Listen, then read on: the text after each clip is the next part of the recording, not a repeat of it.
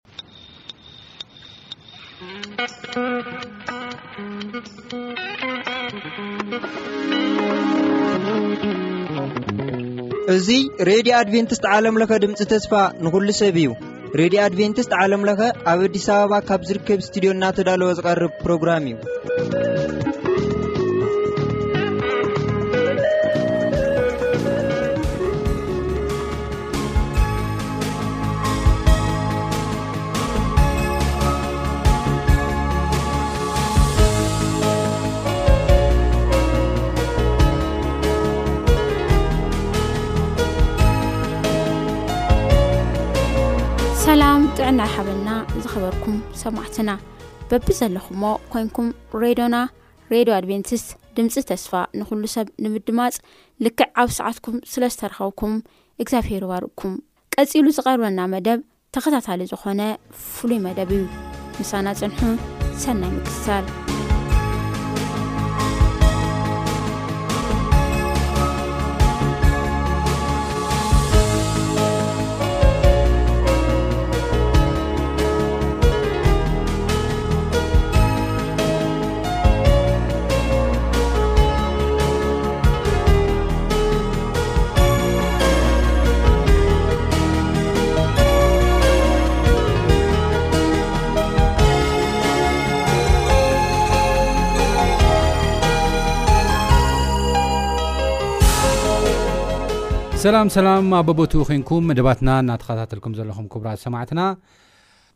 በዚ ሒዝናዮ ዘለና ኣርእስቲ ፍሉይ መደብ ሎሚ ውን መቐጸልትኡ ሒዝናልኩም ቀሪብና ክሳብ ፍጻሜ መደብና ምሳና ክጸንሑ ብኽብሪ ንዕድም ኣነ ኣማን ፍሳየ ምስ ቴክኒሻን ኢራና መልኣኩ ብምዃን እዩ ከምዝከር እዚ ሒዝናዮ ዘለና ፍሉይ መደብ መንፈስ ቅዱስ ጥምቀትን ምስክርነትን ብዝብል ኣርእስቲ ኢና እናረኣና ዘለና ማለት እዩ ከም ዝከር መንፈስ ቅዱስ ጥምቀት ማለት እንታይ ማለት እዩ ብዝብል ንምንታይ ከ እዩ ዝጠቅም ብዝብል ርኢና ነርና መንፈስ ቅዱስ ጥምቀት ማለት ኣብ ግብረ ሃዋርያት ምዕራፍ ሓደ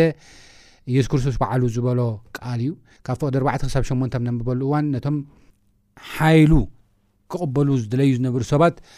ናይ መንፈስ ቅዱስ ጥምቀት የድልየኩም እዩ ኢልዎም ከም ተዛረብና ንርኢ እዚ መንፈስ ቅዱስ ጥምቀት ከዓ ክዛረቦም ከሎ ኣብኡ ጥቕሲ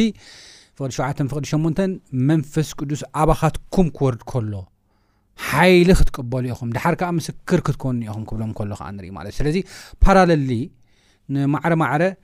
መንፈስ ቅዱስ ጥምቀት ማለት መንፈስ ቅዱስ ምውራድ ወይ ድማ መንፈስ ቅዱስ ኩልንተናና ክቋፅር ከሎ እስና ኩል ንመንፈስ ቅዱስ ከነረክብ ከለና ከም ማለት ትርጉም ከም ዘለዎ እዩ ዘርእና ማለት እዩ እዚ ናይ መንፈስ ቅዱስ ምውራድ ድማ እቲ ዋና ዓላሙ ኣብኡ ኣብቲ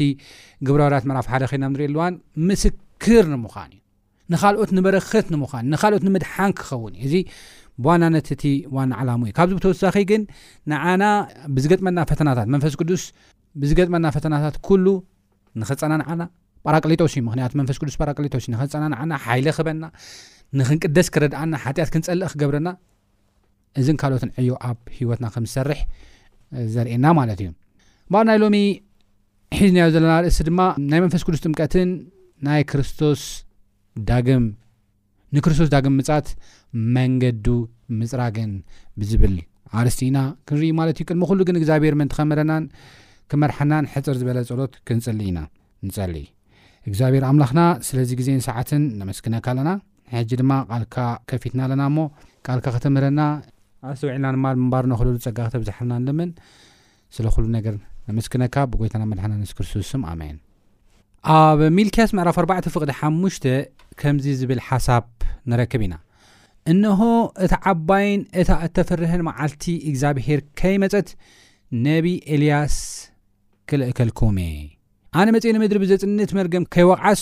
ንሱ ልቢ ኣቦታት ናብ ደቂ፣ ልቢ ደቂ ድማ ናብ ኣቦታት ክመልስ እዩ ይብል ማለት እዩ። ኣብዚ ዝተወሰነ ሓሳብ ክንርኢ ይደሊ። እዚ ነቢ ኤልያስ ክልእከልኩም እየ ዝብል ዘሎ እዚ ትንቢት እዚ ንመን እዩ ዘመላኽት ዝብል መጀመርያ ሓሳብ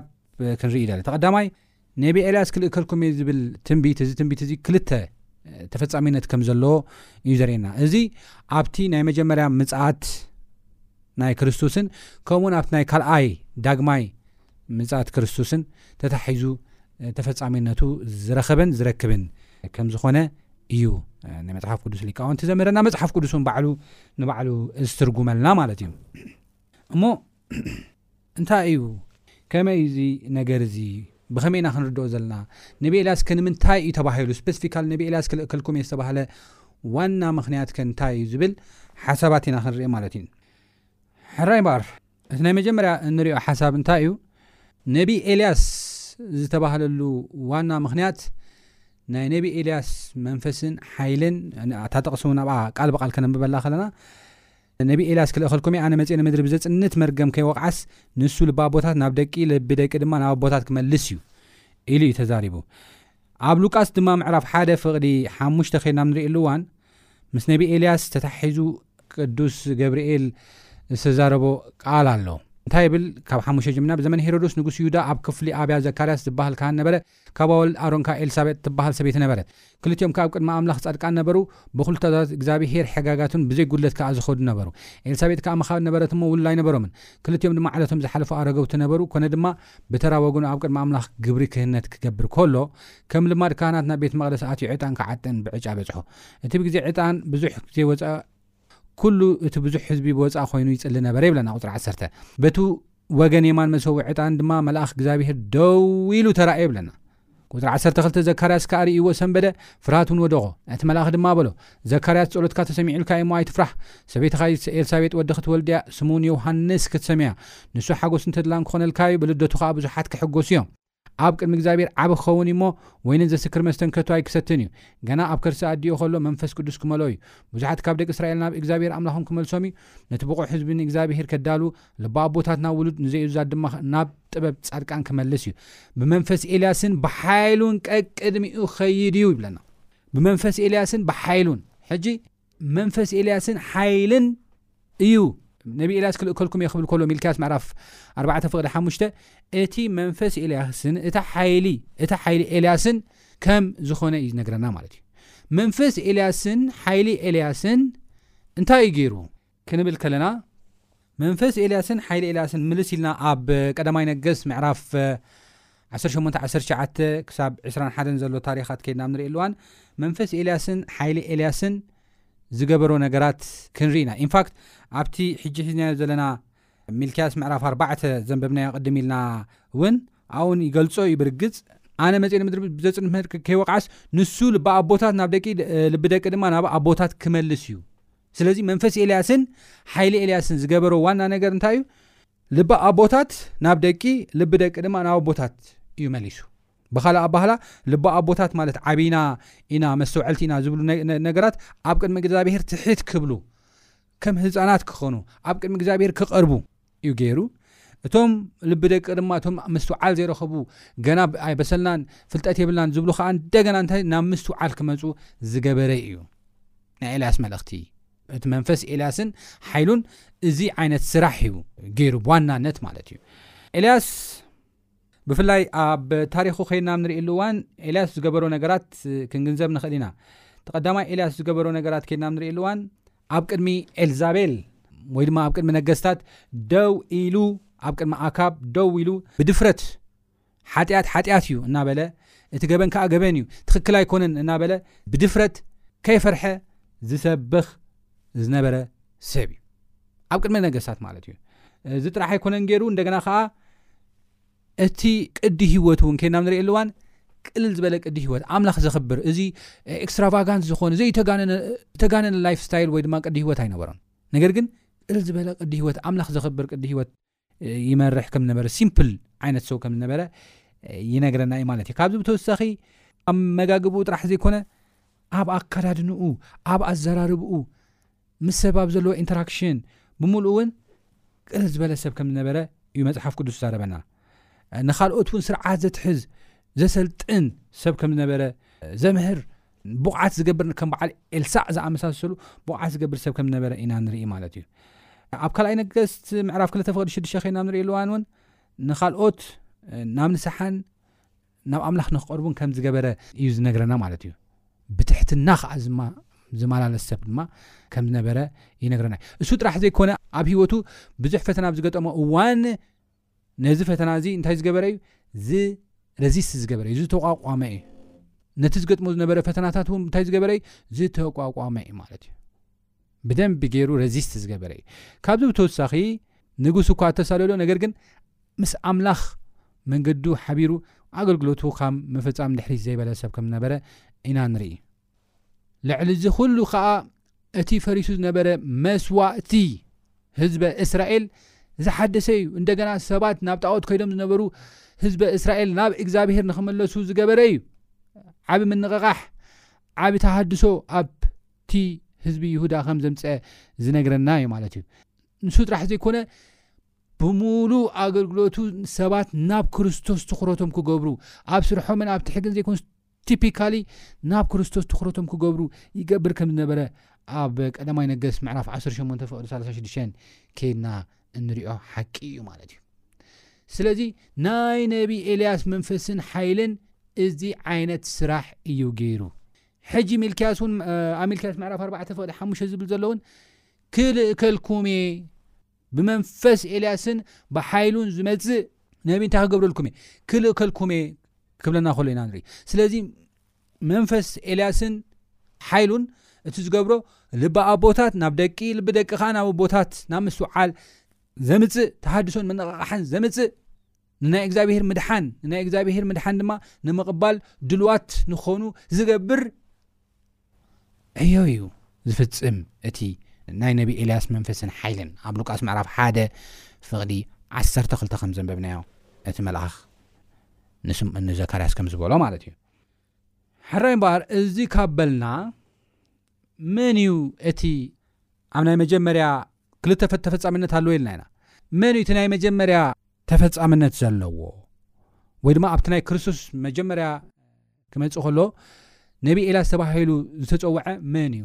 ክንብል ንኽእል ኢና ኣብዚ ሓሳብ እዚ ከይድና ንርኢ ልዋን እቲ ነቢ ኤልያስ ተባሂሉ ኣብ ሚልክያስ ምዕራፍ ኣርባዕተ ፍቕዲ ሓሙሽተ ተጠቒሱ ዘሎ ንዮሃንስ መጥመቕ ከም ዘማላኽት ኢና ንርኢ። እዚ ኸኣ ኢየሱስ ክርስቶስ ዝበሎ እዩ እምበር ንሕና ዝበልናዮ ኣይኮነን። ማቴዎስ ምዕራፍ ዓሰርተ ሓደ ካብ ፍቕዲ ዓሰርተ ሓደ ጀሚረ ከንብበልኩም ከሎ ከምዚ ይብል ብሓቂ እብለኩም ኣለኹ ካብ ኣንስቲ ካብ እትወልዱስ ካብ ዮሃንስ መጥመቕ ዝዓቢ ሓደ እኳ ኣይተንስአን ካብ መንግስቲ ሰማያት ግና እቲ ዝትንስእ ካብኡ ይዓቢ ካብ ዘመነ ዮሃንስ መጥመቅ ክሳብ ሎሚ መንግስተ ሰማያት ብሓይሊ ትደፍእ ኣላ ደፋእቲ ድማ ብሓይሊ ይዛረፍዋ ኣለዉ ኩሎም ነብያት ኦሪትን ክሳዕ ዮሃንስ ተነበዩ ይብለና ክትኣምኑ እንተደሊኹምሲ እቲ ክመጽእ ዘለዎ ኤልያስ ንሱ እዩ ኢሉ ከም ተዛረቦም ኢና ንርኢ እቲ ክመጽእ ዘለዎ ኤልያስ መን እዩ ዮሃንስ መጥመቅ ኢሉ ከም ተዛረቦም ስለዚ ኣብ ሚልክያስ ምዕራፍ 4 ፍቅዲ 5 ነቢ ኤልያስ ክልእከልኩም እየ ዝበሎም ጎይታ እግዚኣብሄር ብነቢ ሚልክያስ ገይሩ ንዮሃንስ መጥመቅ ከም ዝነበረ ኢና ንርኢ ዮሃንስ መጥመቅ ኣብ ሉቃስ ቅድም ኢለ ኣብ ዘንበብክዎ እውን እቲ መልኣኽ ንኣቡኡ እቲ መልኣኽ ንዘካርያስ ኣቡኡ ንዮሃንስ መጥመቕ ዝተዛረበ እውን እቲ እትወልዶ ቆልዓ ወይ ድማ ዮሃንስ ብመንፈስ ቅድም ኢለ ከም ዘንበብክዎ ማለት እዩ ብመንፈስ ኤልያስን ብሓይሉን ክመፅእ እዩ ኢሉ ተዛሪብዎ ነይሩ እዩ ክርስቶስ ከዓ ባዕሉ ተወሊዱ ኣብ ማቴዎስ ምዕራፍ 11 ፍቕዲ 13 ከይና ንሪእሉ እዋን እንታይ እዩ ዝብል ዘሎ እቲ ክመጽእ ዘለዎ ኤልያስ ንሱ እዩ ኢሉ ከም ተዛረበ ኢና ንርኢ። ስለዚ ዮሃንስ መጽምቕ እቲ ክመጽእ እዩ ተባህለሉ ኤልያስ ከም ዝኾነ ምስክር መልኣኽን ምስክር የሱስ ክርስቶስን ዝረኸብናሉ እዩ ማለት እዩ። እምበኣር ናይ መንፈስ ኤልያስን ሓይሉን እንታይ ከም ዝሰርሕ ርኢና ኢና። ልቢ ኣቦታት ናብ ደቂ፣ ልቢ ደቂ ኸኣ ናብ ኣቦታት ዝመልስ እዩ። ብርግጽ እዚ ዕዮ እዚ ዮሃንስ ሰሪሑዶ? እወ ቅድም ኢልና ኣብ ሉቃስ ዘንበብክዎ ሓሳብ እቲ ዕላምኡ ውን ይዛረብ እዩ እቲ መልኣኽ ማለት እዩ ክዛረብ ከሎ ኣብ ቁጽሪ ዓሰርተ ክልተ ቅድም ኢለ ዘንበብክዎ ኣብ ሉቃስ ምዕራፍ ሓደ ፍቅዲ ዓሰርተ ክልተ ዘካርያስ ከኣ ርእይዎ ሰንበደ ፍርሃት ውን ወደቆ እቲ መልኣኽ ድማ በሎ ዘካርያስ ጸሎትካ ተሰሚዑልካ እዩ እሞ ኣይትፍራህ ሰበይትኻ ወዲ ኤልሳቤጥ ንክትወልደልካ እያ ስሙ ውን ዮውሃንስ ክትሰምዮ ኢኻ ንሱ ሓጎስን ተድላን ክኾነልካ እዩ ብልደቱ ከኣ ብዙሓት ክሕጎሱ እዮም ኣብ ቅድሚ እግዚኣብሄር ዓቢ ክኸውን እዩ ወይንን ዘስክር መስተን ከኣ ከቶ ኣይክሰትን እዩ ገና ኣብ ከርሲ ኣዲኡ ከሎ መንፈስ ቅዱስ ክመልኦ እዩ። ንብዙሓት ካብ ደቂ እስራኤል ናብ እግዚኣብሔር ኣምላኾም ክመልሶም እዩ። ኤልያስ ከም ዝገበሮ ኣብ ካልኣይ ኣብ ቀዳማይ ነገሥት ካብ ዓሰርተ ሸሞንተ ክሳብ ዕስራን ሓደን ዘሎ ሓሳባት ኤልያስ ዝገበሮ ሓሳብ ንብዙሓት ካብ ደቂ እስራኤል ናብ እግዚኣብሔር ከም ኣምላኾም ክመልሶም እዩ። ንሱ ብቑዕ ህዝቢ እግዚኣብሔር ከዳሉ ናይ ምድላው ስራሕ ይሰርሕ ነይሩ ኤልያስ ከዳሉ ልቦ ኣቦታት ናብ ውሉድ ንዘዩዛት ድማ ናብ ጥበብ ጻድቃን ክመልስ እዩ። መን እዚ ዮሃንስ መጥማቕ ብመንፈስ ኤልያስን ብሓይሉን ቀቅድሚኡ ክኸይድ እዩ። ዘካርያስ ከኣ እቲ መልኣኽ ኣነ ኣሪገ እዩ እናበለ ታሪኽ ይቕጽል ማለት እዩ። ስለዚ ዮሃንስ መጥመቕ እውን ዝገበረሉ ነገር ተሃለወ እዚ እዩ፣ ንብዙሓት ንደቂ እስራኤል ናብ እግዚኣብሄር ኣምላኾም መሊስዎም እዩ። ብቑዕ ሕዝቢ ንእግዚኣብሄር ኣዳልዩ እዩ። ልቢ ኣቦታት ናብ ውሉድ መሊስዎም እዩ፣ ንዘይእዙዛት ድማ ናብ ጥበብ ጻድቃን መሊስዎም እዩ። ብመንፈስ ኤልያስን ብሓይሉን። ዝተወሰነ ኣብነታት ንምርኣይ ቅድም ኢለ ኤልያስ እንታይ ከም ዝገበረ ተዛሪበ ነይረ'የ እሞ፣ ዮሃንስ እውን ተመሳሳሊ ነገር ከም ዝገበረ ዘርኢ ሓሳብ ኣሎ። ኣብ መጽሓፍ ቅዱስ ብንጽጽር ከነቐምጦ ከለና ዘርኢ ሓሳብ ኣሎ። ንኣብነት ቅድም ኢለ እንታይ ኢለ ነይረ? ኤልያስ ብዘይ ፍርሒ ደፋእ ደፊሩ ኣብ ቅድሚ ነገስታት ዝሰበኸ ደው ኢሉ ኣብ ቅድሚ ኣካፕ ዝሰበኸ ሰብ እዩ ነይሩ። ኣብ ማርቆስ ምዕራፍ 6 ፍቕዲ 18 ከዓ ዮሃንስ መጥምቕ ኣብ ቅድሚ ሄሮዶስ ኣብ ቅድሚ ንጉስ ሄሮዶስ ኮይኑ ደው ኢሉ ሰበይቲ ሓውኻ ንዓኻ ክትከውን ኣይትኽእልን እያ እዚ ሓጢኣት እዩ ኣይተገበአትን ስለዚ ግደፍ እናበለ ይወቕሶ ከም ዝነበረ ኢና ንርኢ ኣብ ቅድሚ ነገስታት ቀሪቡ ስለዚ ምስቲ ኤልያስ ዝገበሮ ሓሳብ ተተሓሓዝነት ከም ዘለዎ ኢና ንርኢ ማለት እዩ ኣብዚ ተተሓሓዝነት ከም ዘለዎ ኢና ንርኢ ካብዚ ብተወሳኺ ናብርኦም ናብርኦም እውን ኬድና ንሪእየሉ እዋን ዮሃንስ መጥመቕ መዓርን ኣንበጣን መዓር ሰንካልን እዩ ዝበልዕ ነይሩ ሲምፕል ዝኾነ ኣማጋግባ እዩ ነይርዎ ሲምፕል ዝኾነ ቅዲ ሂወት እዩ ነይርዎ ልክዕ ከም ናይ ኤልያስ ላይፍ ስታይል እዩ ነይርዎ እሞ ብጣዕሚ ዝገርም ዓይነት ተመሳሳልነት ከም ዘለዎም እውን ኣብዚ የርእየና ማለት እዩ ካብዚ ብተወሳኺ ንካልኦት እውን ኣሰልጢኑ እዩ ብዙሓት ደቂ መዛሙርቲ ዮሃንስ መጥመቕ እንታይ ገይሩ እዩ ኣፍርዩ እዩ ኣፍርዩ እዩ። ብዙሓት ደቀ መዛሙርቲ ኣፍርዩ እዩ። ከምቲ መጽሓፍ ቅዱስ ዝብሎ እቶም ምስ ክርስቶስ ዝነበሩ ደቀ መዛሙርቲ እቶም ሃዋርያት ተባህሉ እኳ ሓድሓዲኦም ናይ ዮሃንስ ደቀ መዛሙርቲ ዝነበሩ ካብ ዮሃንስ ቃል ዝሰምዑ ሰባት እዮም ሃዋርያት ኮይኖም ድሓር ምስ ክርስቶስ ቀጺሎም ተሸይሞም ሃዋርያት ተባሂሎም ቤተ ክርስትያን ደው ዘበሉ ኩሉ ዝሰብኮ ዝነበረ ንክርስቶስ እዩ ዘመላኽት ነይሩ ዮሃንስ መጥመቅ ከና ንሪእየሉዋን እንሆ ሓጢኣት ዓለም ዘርሐ ገንሸል ኣምላኽ ንዑ ተቐበልዎ እንሆ ኣነ ክንእስ ንሱ ግን ክዓቢ ይግባእ እዩ እናበለ ሙሉእ ብምሉእ ትኩረቱ ናብ ክርስቶስ ክገብር ከሎ ኢና ንርኢ እዚ ብመንፈስ ኤልያስን ብሓይሉን ዝመፀ ዮሃንስ መጥመቕ ማለት እዩ ልክዕ ኤልያስ ከም ዝገበሮ ስለዚ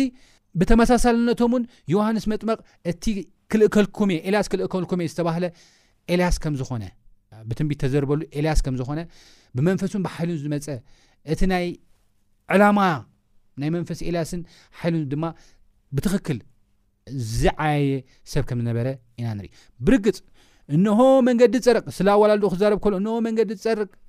ቅድሚኻ ክልእኸልካ እዩ ከም ዝተባህለ ኢሉ ትንቢት ንባዕሉ ተዘርበሉ ንሱ እዩ እሞ ዮሃንስ መጥመቕ ከም ዝኾነ ኢና ንርኢ ስለዚ ደጊመ ደጋጊመ ክብላ ዝደሊ ወይ ደሞ ከምስምረላ ዝደሊ ግን ከተስተውዕልዋ ዝደሊ መንፈስ ኤልያስን ሓይሉን እንታይ እዩ ዝገብር እዩ እዚኣ ከተስተውዕልዋ እዚኣ ሒዝኩምለይ ክትከዱ እየ ዝደሊ ተቐዳማይ መንፈስ ኤልያስን ሓይሉን ልቢ ኣቦታት ዝተዓበዩ ንሕና ዓበይቲ ኢና ዝበሉ ናብ ደቂ ዝመልስ እዩ ዘይእዙዛት ዘይምስትውዕል ድማ ናብ ምስትውዓል ናብ ጥበብን ናብ ምእዛዝን ዝመልስ እዩ ሓያል ምንቕቓሕን ተሃድሶን ዘምፅእ እዩ እዚኣ እያ እታ ፖይንት ከስምረላ ዝደለኹ ማለት እዩ። ኣብ መወዳእታ ግዜ ድማ ነቢ ኤልያስ ክልተ ተፈጻሚነት ኣለዎ ኢለኩም እዩ ኣብ ሚልክያስ ምዕራፍ ኣርባዕተ ፍቕዲ ሓሙሽተ ዘሎ ክልተ ተፈጻሚነት ኣለዎ ኢለ ናይ ምስ ክርስቶስ ዳግም ምጽኣት ዘለዎ ተተሓዝነት እውን ኣለዎ እዚ ኣብ መወዳእታ ግዜ ዝለዓሉ ነቢ ኤልያስ ከመን እዮም ክትብል ከለኻ ንናይ ክርስቶስ ዳግም ምምላስ መንገዲ ዝጸርግዉ፣ መንገዲ ዘዳልዉ ነቢ ብመንፈስ ነቢ ኤልያስን ሓይሉን ዝመጹ ኣመንቲ ኣለዉ። ኣመንቲ ኣለዉ። ብዙሓት ኣመንቲ ኣለዉ። ብክርስቶስ ዝኣምኑ ሰዓብቲ ክርስቶስ ኣለዉ። እዚኣ እያ እቲ ሓቂ። እሞ እዞም ሰዓብቲ እዚኦም እንታይ እዮም ዝገብሩ? ንናይ ክርስቶስ ዳግም ምጽኣት ሰብ ክዳሎ መንገዲ ዝጸርጉ እዮም። ክርስቶስ ክመጽእ ቀሪቡ እዩ። መጽሓፍ ቅዱስ ርሑቕ ኣይኮነን፣ ዝመጸሉ ግዜ ርሑቕ ኣይኮነን ቀረባ እዩ ኢሉ ተዛሪቡ እዩ። ትንቢታት እውን ኬድና ኣብ ንርእየሉ እዋን ኣብ ሉቃስ ምዕራፍ 21 ከምኡውን ኣብ ካልኦት ክፍልታት ኣብ ንርእየሉ እዋን ናይ የሱስ ክርስቶስ ዳግም ምጻት ኣዝዩ ኣዝዩ ቀረባ ምዃኑ ይነግረና እዩ። ስለዚ ነዚ ቀረባ ዝኾነ ምጽኣቱ እንታይ ዝገብሩ ህዝቢ ዘዳልዉ ንክርስቶስ ክመጽእ ከሎ እዚ ኣምላኽና ኢሎም ንኽምስክሩ ዝገብሩ ብመንፈስ ኤልያስን ብሓይሉን ዝመጹ ሰዓብቲ ክርስቶስ ኣለዉ። እዚ ካባታትና ወፃእ ክንገብሮ ይንኽእልና ንስኻ እውን ክትከውን ትኽእል ኢኻ ንስኺ እውን ክትኮኒ ትኽእል ኢኺ ርእስና ንእግዚኣብሄር ብዝሃብናሉ ግዜ መንፈስ ኤልያስን ሓይሉን ኣባና ክወርድ ይኽእል እዩ። ኣባይ ክወርድ ይኽእል እዩ፣ ኣባኻትኩምውን ኣባኻትኩምውን ክወርድ ይኽእል እዩ። ኣባይ ክወርድ ይኽእል እዩ፣ ኣባኻትኩምውን ክወርድ ይኽእል እዩ። እዚ'ዩ እቲ ነጥቢ። እንታይ ደኣ እዩ ዘድሊ ሕጂ? መንፈስ ኤልያስን ሓይሉን ኣባና ወሪዱ ንናይ ክርስቶስ ዳግም ምጽኣት ሰብ ንክዳሉ መንገዲ ክንጸርግ እዚ ዕዮ እዚ ንክንዓዪ እንታይ ካባና ዝድለ? ልክዕ ከም ኤልያስ ልክዕ ከም ዮሃንስ መጥምቕ ርእስና ኣትሒትና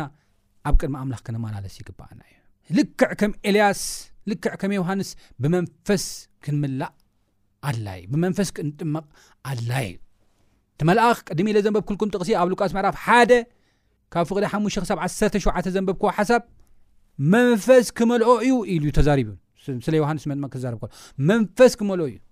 እዚ ነገር እዚ ኣገልግሎት ከገልግል እዩ ምስ በለ ካልእ ድሕሪኡ ብመንፈስ ኤልያስን ብሓይሉን እዩ ዝመጽእ ኢሉ ከም ተዛረበ ኢና ንርኢ ማለት እዩ ስለዚ ዘርእየና ነጥቢ ተሃለወ እንታይ እዩ መንፈስ ቅዱስ ኣገዳሲ እዩ። መንፈስ ቅዱስ ድማ ንመን እዩ ዝወሃብ ዝብል ብዝሓለፈ ርኢና ኢና። መንፈስ ቅዱስ ዝወሃብ ነቶም ብክርስቶስ ከም ግሊ መድሓኒኦም ገይሮም ዝተቐበሉ እዩ። ተተቐበሉ ጥራሕ ግን ኣይኮነን ዮሃንስ ወንጌል ምዕራፍ 14 ከድና ንሪእየሉ ዋን ድማ ንዝተኣዘዙ እውን እዩ ተፍቅሩ እንተኮይንኩም ሲ ትእዛዘይ ሓሉ እንሆ ኣነ ከዓ ነቦይ ክልምነ ንሱ ከዓ መንፈስ ቅዱስ መፀናንዒ ክበኩም ኢሉ ተዛርበሉ ክንእዘዝ ከለና እውን እዩ ንሱ ጥራሕ ኣይኮነን ተኣዚዝና መንፈስ ቅዱስ ኣብ ህይወትና ክነግስ እቲ ናቱ ሓሳብ ህይወትና ክቆፃፀሮ እቲ ናቱ መምርሒ ናይ ህይወትና መምርሒ ክንገብሮ እንተ ደይፈቂድና መንፈስ ቅዱስ ኣገዲዱ ስለ ተኣዘዝና ጥራሕ ተመርሑ ክብለና ኣይክልኒ ነገር ግን ኣብ ሉቃስ ተዛረቦ እንደገና እንታይ ኢልዎ ለምኑ ክዋሃበኩም እዩ ምስ በለ ንስኻትኩም ግዳ ክፉኣት ክነስኹም ንደቅኹም ሰናይ መሃብ ካብ ፈለጥኩም ናይ ሰማይ ኣቦኹም ደኣ ክሳብ ክንደየናይ ኣብዚሑ መንፈስ ቅዱስ ዘይህበኩም ኢሉ ክዛረብ ከሎ ኢና ንርኢ። ናይ ሰማይ ኣቦ ኣብዚሑ መንፈስ ቅዱስ ዝህበና እዩ። መዓስ ክንልምን ከለና፣ ክንደሊ ከለና፣ ክንሓትት ከለና ማለት እዩ። ስለዚ እዚ መንፈስ ኤልያስ ኣባና ክንወርድ ክንሓትት ኣለና። ምናልባት ወይ እስኻ ወይ እስኺ ወይ ኣነ